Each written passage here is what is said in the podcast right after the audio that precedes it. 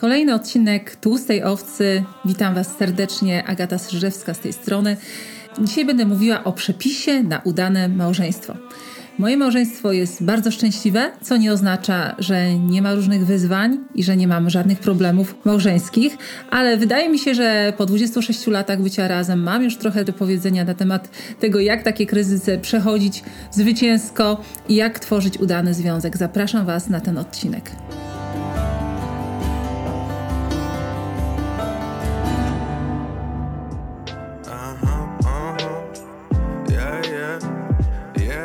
Witaj w podcaście Agaty Strzyżewskiej Tłusta Owca. Rozmawiamy o spełnionym życiu, pełnym Boga i miłości do ludzi. Zaglądaj tu w każdy poniedziałek, słuchając historii, które wpompują w ciebie wiarę, radość i odwagę. Wersję do słuchania, czytania i komentowania znajdziesz na agatastrzyżewska.com.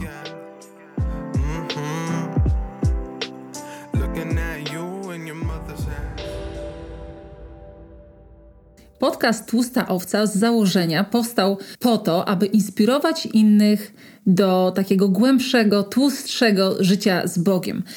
Wierzę w to, że nauka Jezusa, jego przykład, to w jaki sposób on żył, nie ma być jedynie jakąś inspiracją taką intelektualną dla nas, żebyśmy mieli o czym rozmyślać, ponieważ mówił mądre rzeczy, ale przede wszystkim, żeby nasze życie się zmieniało w praktyczny sposób. I mamy bardzo wiele przykładów ludzi, którzy są mądrzy, którzy piszą książki, którzy kończą doktoraty, uczą na uczelniach, ale kiedy przyjrzymy się ich życiu, to widzimy, że często nie wiedzą, jak prowadzić szczęśliwą rodzinę, nie wiedzą, jak mieć zdrowe relacje z przyjaciółmi, nie wiedzą, jak finansowo spiąć wszystkie sprawy w swojej rodzinie, nie potrafią żyć, nie potrafią w praktyczny sposób tak zarządzać swoim życiem, żeby ono było poukładane. Wierzę w to, że kiedy czytamy Biblię, kiedy spotykamy się z Bogiem, to Bóg nie tylko daje nam wspaniałe myśli, nie tylko sprawia, że wewnątrz czujemy pokój, radość, ale również wiemy, jak żyć. Między innymi wiemy, w jaki sposób mieć udane relacje, w szczególności relacje w rodzinie. Dlatego dzisiaj zdecydowałam się nagrać ten odcinek, żeby podzielić się trochę swoimi przemyśleniami, tym, jak mnie Bóg prowadził w życiu, w jaki sposób pokazywał mi, jak przebaczać, jak się wycofywać, jak umierać dla siebie samej, po to, żeby móc stworzyć szczęśliwą relację z moim mężem. Być może jesteś, drogi słuchaczu, teraz również w relacji małżeńskiej, być może nie, dopiero zamierzasz, a może też tak być, że nigdy nie będziesz e, w małżeństwie, ale wierzę, że ten odcinek może zainspirować Ciebie do tego, żeby mieć udane relacje z innymi ludźmi. Zacznę od tego, że wyszłam za mąż, kiedy miałam 21 lat i mój mąż Maciek był moim pierwszym chłopakiem. Ja byłam tego rodzaju dziewczyną, która nie rozglądała się za chłopakami. Cały czas czytałam książki, marzyłam o tym, że zmienię świat. E, starałam się przygotowywać do różnych takich wielkich życiowych ról i na moim horyzoncie zainteresowań wtedy nie były relacje z mężczyznami. Oczywiście od czasu do czasu gdzieś się tam podkochiwałam w jakichś chłopakach, ale nie planowałam małżeństwa. Myślałam, że u mnie nastąpi to mniej więcej między 30 a 40 rokiem życia. Ale się stało inaczej. Teraz z perspektywy czasu cieszę się, że tak się stało. I razem z moim mężem Maćkiem, tak jak już mówiłam wcześniej, tworzymy udany związek przez 26 lat. Dzisiaj opowiem Wam o różnych okresach, przez które Bóg nas przeprowadzał, o różnych kryzysach, ale również zwycięstwach i wierzę, że będzie to wielkim zbudowaniem i inspiracją dla Ciebie. Jeżeli może teraz przechodzisz właśnie przez trudny okres, to chcę Ci powiedzieć, że nie będzie tak zawsze i kiedy przechodzimy przez ciemną dolinę z Bogiem, to ta dolina wcale nie jest wtedy taka ciemna. Zanim wyszłam za mąż, obserwowałam małżeństwo moich rodziców, które było bardzo, bardzo szczęśliwe. Moi rodzice poznali siebie w poniedziałek, w środę zdecydowali, że chcą ze sobą być. Tata się oświadczył. W piątek byli już w Urzędzie Stanu Cywilnego, żeby ustalić datę ślubu, i po dwóch miesiącach, ponieważ nie dało się wcześniej, postanowili się pobrać. Była to niesamowita para. Niestety mój tata już nie żyje od 6 lat, y, ale miałam możliwość, miałam przywilej obserwować, jak wygląda taka zdrowa relacja w małżeństwie. Jak mój tata szanował moją mamę, mama niesamowicie szanowała tatę, uzupełniali się w idealny sposób i mogłam obserwować taką zdrową relację od samego dzieciństwa.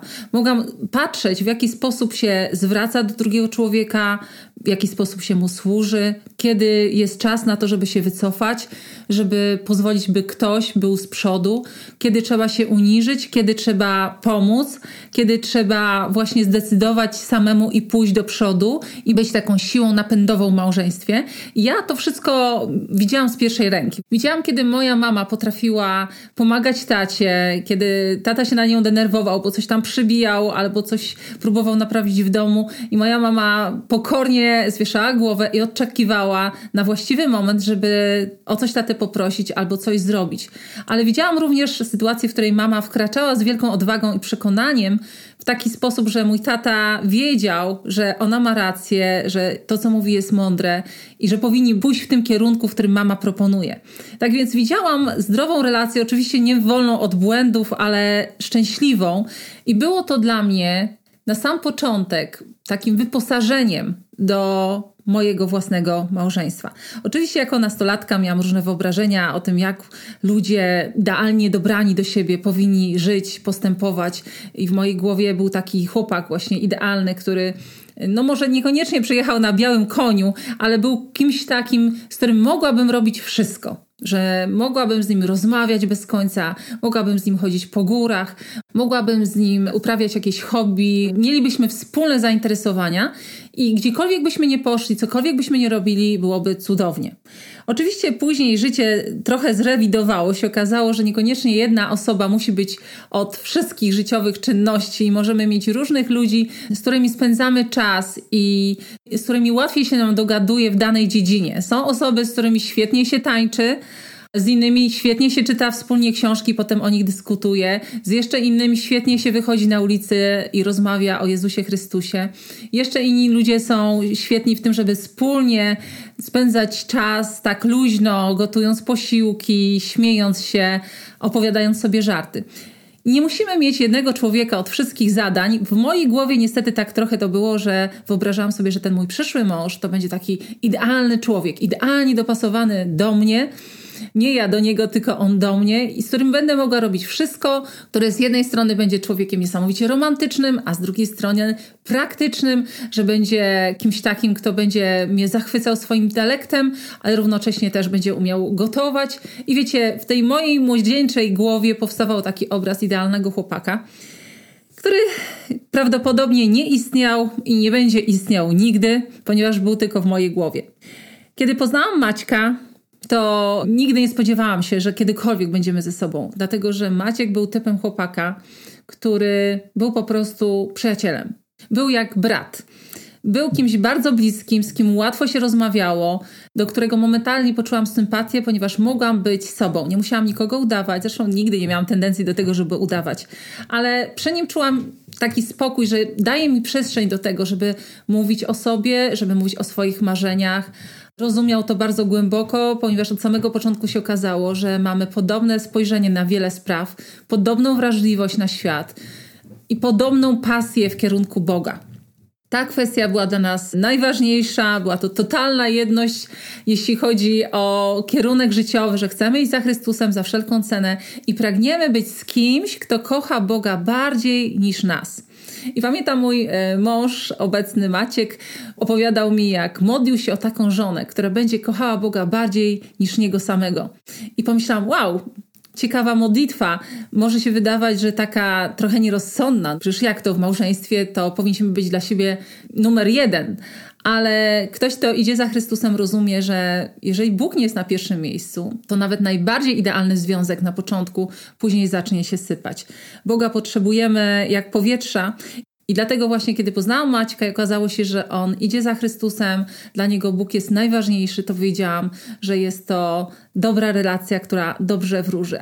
Ale tak jak powiedziałam wcześniej, od samego początku, Maciek w ogóle nie przychodził mi do głowy jako kandydat na męża ponieważ po prostu był przyjacielem. Spędzaliśmy ze sobą czas i było nam dobrze. Nie mogliśmy się nagadać. Mogliśmy godzinami rozmawiać o różnych tematach, o marzeniach, o tym, co przeżyliśmy w przeszłości, o tym, jak odbieramy rzeczywistość. I było nam z tym dobrze. Często było tak, że nawet po wspólnym spotkaniu Maciek odprowadzał mnie do domu, jeszcze stał długo przed furtką domu moich rodziców. E, nie mógł mnie zostawić, ponieważ jeszcze mieliśmy tak wiele rzeczy do omówienia. To rozmawianie zostało nam aż do tego momentu, także czasami, kiedy mój mąż, który budzi się bardzo wcześnie rano i zaczyna się kręcić w łóżku, ja jeszcze chcę spać, ale czuję, że on już nie może się doczekać, żeby mi o czymś powiedzieć. Tak więc rozmawiało nam się świetnie, nadal nam się dobrze rozmawia i wierzę, że ta przyjaźń jest takim fundamentem naszego związku. Kiedy już przez jakiś czas spotykaliśmy się z Maćkiem, wracaliśmy kiedyś z Warszawy z jakiegoś spotkania, Pamiętam, że Maciek chwycił mnie za rękę, co wydało mi się bardzo, bardzo dziwne, po czym przyciągnął mnie do siebie i mnie pocałował. I to było bardzo, bardzo, bardzo dziwne dla mnie. Czułam się zupełnie tak, jakby brat mnie pocałował romantycznie, i wydawało mi się to zupełnie niepasujące do całej sytuacji, do naszej relacji, do tego związku, ponieważ ja nigdy wcześniej nie pomyślałam o Maćku w takich kategoriach męsko-damskich. To nie był ten typ człowieka, to nie był typ mężczyzny, który by mnie jakoś pociągał tak po męsku. Po prostu z nim się dobrze czułam, czułam się jak jego siostra. I kiedy Maciek to zrobił, dotarło do mnie, że no tak, rzeczywiście, to wszystko zmierza ku temu, żebyśmy byli małżeństwem. I pamiętam, że Maciek wtedy powiedział: Czuję, że będziesz moją żoną. I to wtedy mnie bardzo zdenerwowało, bo pomyślałam sobie, jaki on jest pewny siebie, skąd on to wszystko wie. Dlaczego on mnie tutaj nie pyta o zdanie? Czy jego w ogóle obchodzi, co ja myślę? I w takim młodzieńczym uniesieniu miałam wtedy 19 lat. Czułam, że to nie, że to tak toczy się za szybko i nie w tym kierunku, w którym bym chciała. A tak się stało, że już po 15 miesiącach byliśmy małżeństwem i zaczęły się następne zmagania. Tak jak wspomniałam, Maciek był moim pierwszym chłopakiem i nie miałam żadnego doświadczenia w tym, jak budować relacje z drugim człowiekiem, tak bliską relację. Do tego Maciek był jedynakiem, ja miałam dwie siostry tak więc układ rodzinny po obydwu stronach był zupełnie inny. I dochodziło do różnych spięć, nieporozumień związanych z tym, jak Maciek rozumie, że powinna funkcjonować rodzina, a jakie wyobrażenia i oczekiwania były w mojej głowie. I pamiętam, jak kiedyś Maciek zrobił sobie sam kolację Widzę, że on siedzi i je i myślę sobie, jajku, dlaczego tak zrobiłeś? Dlaczego mi nie zrobiłeś kolacji? Dlatego, że w moim domu zawsze było tak, że jeżeli ktoś robił jakiś posiłek, to przygotowywał go dla wszystkich albo ewentualnie pytał, czy ktoś by chciał zjeść i wtedy robił nie tylko dla siebie, ale jeszcze dla kogoś. A tutaj widzę Maćka, który sam je kolację i myślę, co za egoista. Jak można nawet nie zapytać o to, żeby dla kogoś coś zrobić? Ale ponieważ u Maćka w domu były zupełnie inne układy, i u nich w rodzinie było tak, że każdy sam sobie przygotowywał kolację, więc dla niego to było oczywiste, że ja za chwileczkę przyjdę do kuchni i sobie sama tą kolację zrobię. I takich sytuacji oczywiście było o wiele, wiele więcej, które w tamtym czasie ja uważałam za oczywiste, że to Maciek powinien się dostosować do mojej wizji życia, ponieważ moja rodzina była szczęśliwa, mojej rodzinie wszystko się robiło odpowiednio, od krojenia cebuli, po składanie ubrań, po praniu że w naszym domu powinno być tak, jak to było w moim domu rodzinnym. I na tym tle dochodziło do bardzo wielu konfliktów. Tak więc e, z jednej strony nasza przyjaźń i ta nieposkromiona chęć rozmawiania o wszystkich tematach, ta sama wrażliwość, to samo spojrzenie na świat, te same pragnienia, ale z drugiej strony tysiące drobnych szczegółów, które sprawiały, że trudno nam było żyć. I prawda była taka, że pierwsze trzy lata naszego małżeństwa, jeszcze przed naszym małżeństwem, bardzo długo żeśmy się kłócili. Bardzo dużo, bardzo długo. Trudno nam było te konflikty załagodzić. Um, ja jestem jeszcze taką osobą, która jest pamiętliwa, pamiętam wszystkie szczegóły, bolą mnie, bolą mnie słowa, bolą mnie sytuacje, trudno mi się jest pogodzić z pewnymi rzeczami, potrzebuję czasu, potrzebuję rozmowy, potrzebuję wyjaśnić, zaplanować przyszłość i dopiero wtedy się uspokajam. U Maćka to jest tak, że wystarczy mu się dobrze przespać i następnego dnia już w ogóle nie pamięta o tym, jaki był problem poprzedniego dnia. Jednym z największych wyzwań w międzyczasie, które żeśmy przechodzili, było to, żeby nauczyć się przebaczać. Szczególnie ja musiałam się tego nauczyć, dlatego że Maciek szybko zapominał, ale w moim przypadku nie było to takie proste. I Bóg prowadził mnie do takiego miejsca, w którym w żaden sposób nie mogłam wpłynąć na myślenie i zachowanie mojego męża. Nie mogłam nic też zrobić z jakimiś odczuciami, które we mnie powstawały. Ze smutkiem, z żalem, z bólem, który był wywołany przez słowa mojego męża.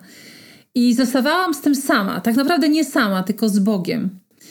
I na początku próbowałam całą sytuację rozwiązać w ten sposób, że chciałam jakoś zmanipulować odczuciami mojego męża, zmusić go do tego, żeby mnie przeprosił, żeby on coś zrobił, bym ja się lepiej poczuła. Ale ponieważ mój mąż nie był podatny na manipulację i to nie był typ człowieka, który się jakoś ugnie i dostosuje do tego, co ja mówię, więc byłam zdana jedynie na Boga. Teraz patrząc z perspektywy, bardzo się cieszę, że tak było, ponieważ musiało dojść do takiego skonfrontowania mojej postawy, gdzie słowa Jezusa o tym, żeby się uniżyć, żeby się wycofać, żeby oddać swoje życie, żeby zaufać Bogu we wszystkim, były dla mnie zasadnicze. Ja po prostu musiałam się tego nauczyć, żeby oddawać sprawy Bogu i ufać, że to On załagodzi nasz konflikt, że to nie człowiek zrobi, ale jedynie Bóg ponieważ tylko Bóg ma moc zmieniać nasze serca. To była bardzo trudna nauka dla mnie, ponieważ ja jestem taką osobą, która chce szybko załatwić sprawy, mam od razu pomysły, jak to zrobić, od razu to wcielam w życie, szybko, szybko przechodzimy do następnej sprawy. A jeśli chodzi o relacje z drugim człowiekiem, nie da się zrobić rzeczy szybko. Pewne kwestie w naszych sercach potrzebują czasu i dojrzałości.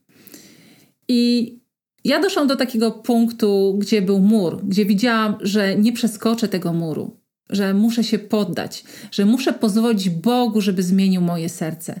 Nie, żeby zmienił serce mojego męża, ale żeby zmienił mnie.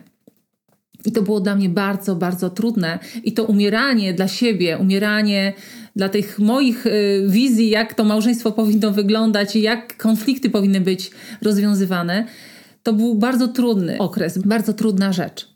Jednak kiedy raz się to już zrobi, później jest coraz łatwiej.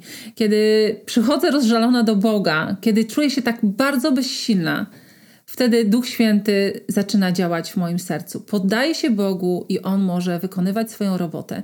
I tak było za każdym razem, kiedy był konflikt, był mur, była taka niemożność rozwiązania tego problemu. I ja przychodziłam z tym do Boga, płakałam przed nim. Czytałam psalmy, które mówią o tym, żeby powierzyć Panu swoją drogę, a On wszystko dobrze uczyni. I zaczynałam ufać tym słowom, że Bóg się tym zajmie. Zaczynałam doświadczać przełomów i cudów. Okazywało się, że te konflikty mijały jakoś szybciej, dogadywaliśmy się szybciej. Bóg też pokazywał różne rzeczy mojemu mężowi.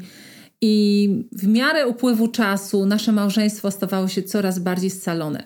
Nadal od czasu do czasu się kłócimy różne rzeczy, ale ponieważ ja w swoim życiu wypracowałam już taką ścieżkę, co zrobić, kiedy jest konflikt, że wtedy nie idę do mojego męża i nie próbuję na siłę mu czegoś tłumaczyć, ale idę do mojego Boga z tym konfliktem i poddaję swoje serce i pozwalam, żeby Duch Święty mnie kruszył, żeby mnie przemieniał, żeby wylewał swoją oliwę uzdrowienia na moje rany, ale również y, pokazywał mi, jak spojrzeć na tą sytuację z Bożej perspektywy, to okazuje się, że za każdym razem Bóg przyspiesza to uzdrowienie naszej relacji i załagadza cały konflikt.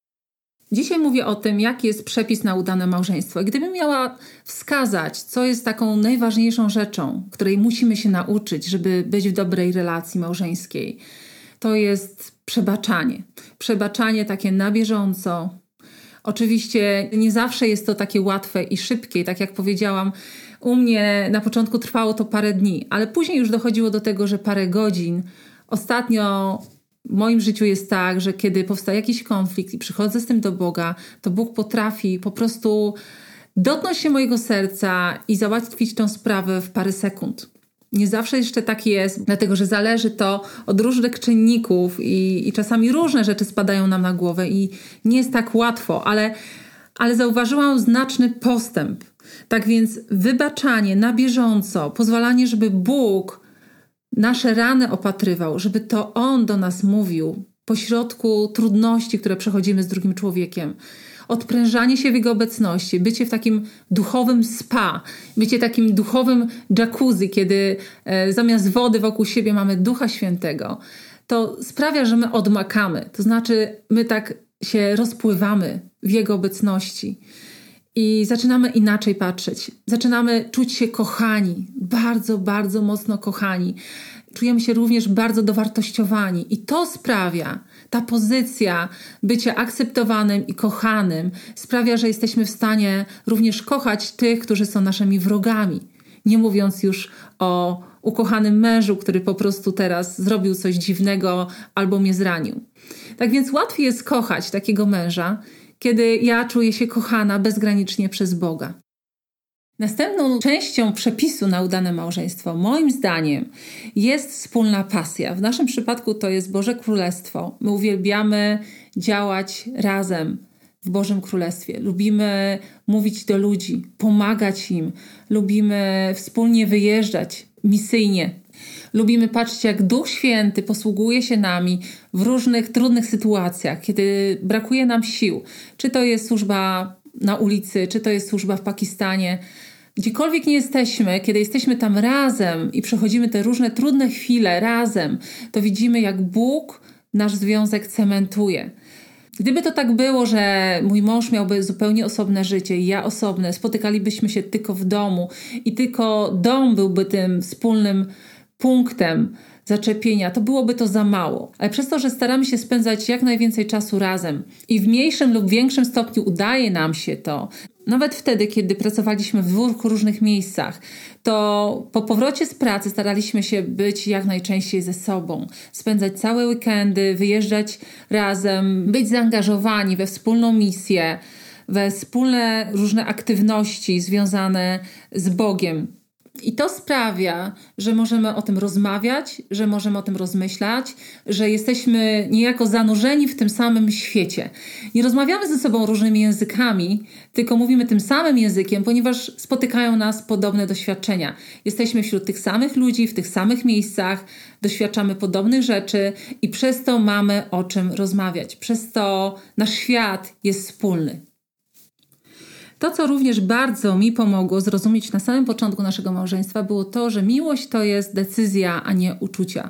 I oczywiście brzmiało to dla mnie bardzo egzotycznie na samym początku, dlatego że rośniemy w takiej kulturze, gdzie słowo miłość ma już pewną definicję zaczerpniętą z różnych filmów, książek, romantycznych historii i mamy pewne wyobrażenie, że to musi być takie bardzo silne wewnętrzne odczucie pasji. Ale kiedy poznajemy miłość do Boga, to On przemienia tą całą naszą definicję i oczywiście nie obdziela wcale miłości z, z, uczuć, ale pokazuje, że miłość przede wszystkim to jest decyzja. Za tą decyzją potem idą uczucia. Świadomość tego przeprowadziła mnie przez bardzo wiele różnych trudnych sytuacji, ponieważ nie oszukujmy się, czasami jesteśmy zmęczeni, czasami jesteśmy wykończeni, może chorujemy, może jesteśmy zniechęceni po prostu. Przechodzimy różne okresy w swoim życiu. Nie zawsze mamy pozytywne, ciepłe odczucia w sobie.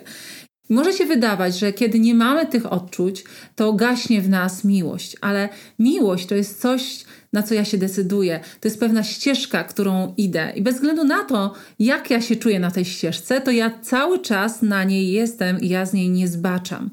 Tak więc idę nią bez względu na to, jakie są przeszkody i jakie mam wewnętrzne myśli, i wiem, że ta ścieżka prowadzi w dobrym kierunku. Uczę się być wytrwała, uczę się kochać pomimo bólu, pomimo nieprzyjemności, pomimo braku jakichś pozytywnych e, wewnętrznych myśli. Idę w tym kierunku, ponieważ wiem, że jest to dobry kierunek. I kiedy idę tą drogą, to za jakiś czas okazuje się, że wychodzi słońce, wracają dobre odczucia i cieszę się, że idę tą drogą już 26 lat. Kochani, podzieliłam się z Wami tymi rozważaniami na temat mojego małżeństwa, ponieważ bardzo mocno wierzę w to, że kiedy będziemy szli za Bogiem tak na full, kiedy nauczymy się umierać dla samych siebie, to jesteśmy w stanie stworzyć dobrą relację z każdym człowiekiem, a już z tym człowiekiem, który jest najbliżej nas w szczególności. Dlatego może przypomnę jeszcze taki znany obraz, który ilustruje to, jak przybliżyć się do siebie w małżeństwie, jak stworzyć taki udany związek. To jest e, obraz takiego trójkąta. W tym trójkącie te wierzchołki na samym dole to jestem ja i mój mąż. Górny wierzchołek stanowi Bóg. Im wyżej wspinamy się w kierunku Boga, tym również jesteśmy coraz bliżej siebie. Im więcej Boga jest w naszym życiu, im bliżej Niego jesteśmy, każdy z nas osobna, tym również tworzymy wtedy bardziej stabilny związek. Tak więc, tak więc podsumowując, przepis na udane małżeństwo, przede wszystkim bądźmy na właściwej ścieżce, ścieżce miłości, zapraszając Boga do naszego związku i szukając z Nim bliskiej relacji, ucząc się przebaczać, ucząc się zapominać to, co trudne, to, co niepotrzebne, co nie jest rzeczą najważniejszą, a skupiając się na relacji, skupiając się na przyjaźni, która powinna być fundamentem naszego związku i na wspólnej misji, na wspólnych doświadczeniach, które możemy w życiu przeżywać. Dziękuję Wam bardzo za wysłuchanie tego odcinka. Mam nadzieję, że Was zainspirował, że Was w jakiś sposób zachęcił do tego, żeby szukać bliskości z drugim człowiekiem i żeby szukać bliskości z Bogiem, ponieważ te dwie rzeczy się bardzo mocno ze sobą łączy. I jak zawsze czekam na Wasze komentarze pod tym odcinkiem na stronie agatastrzyżewska.com w zakładce Tłusta Owca. Teraz żegnam się już z Wami. Do usłyszenia za tydzień z Panem Bogiem. Trzymajcie się. Pa, pa.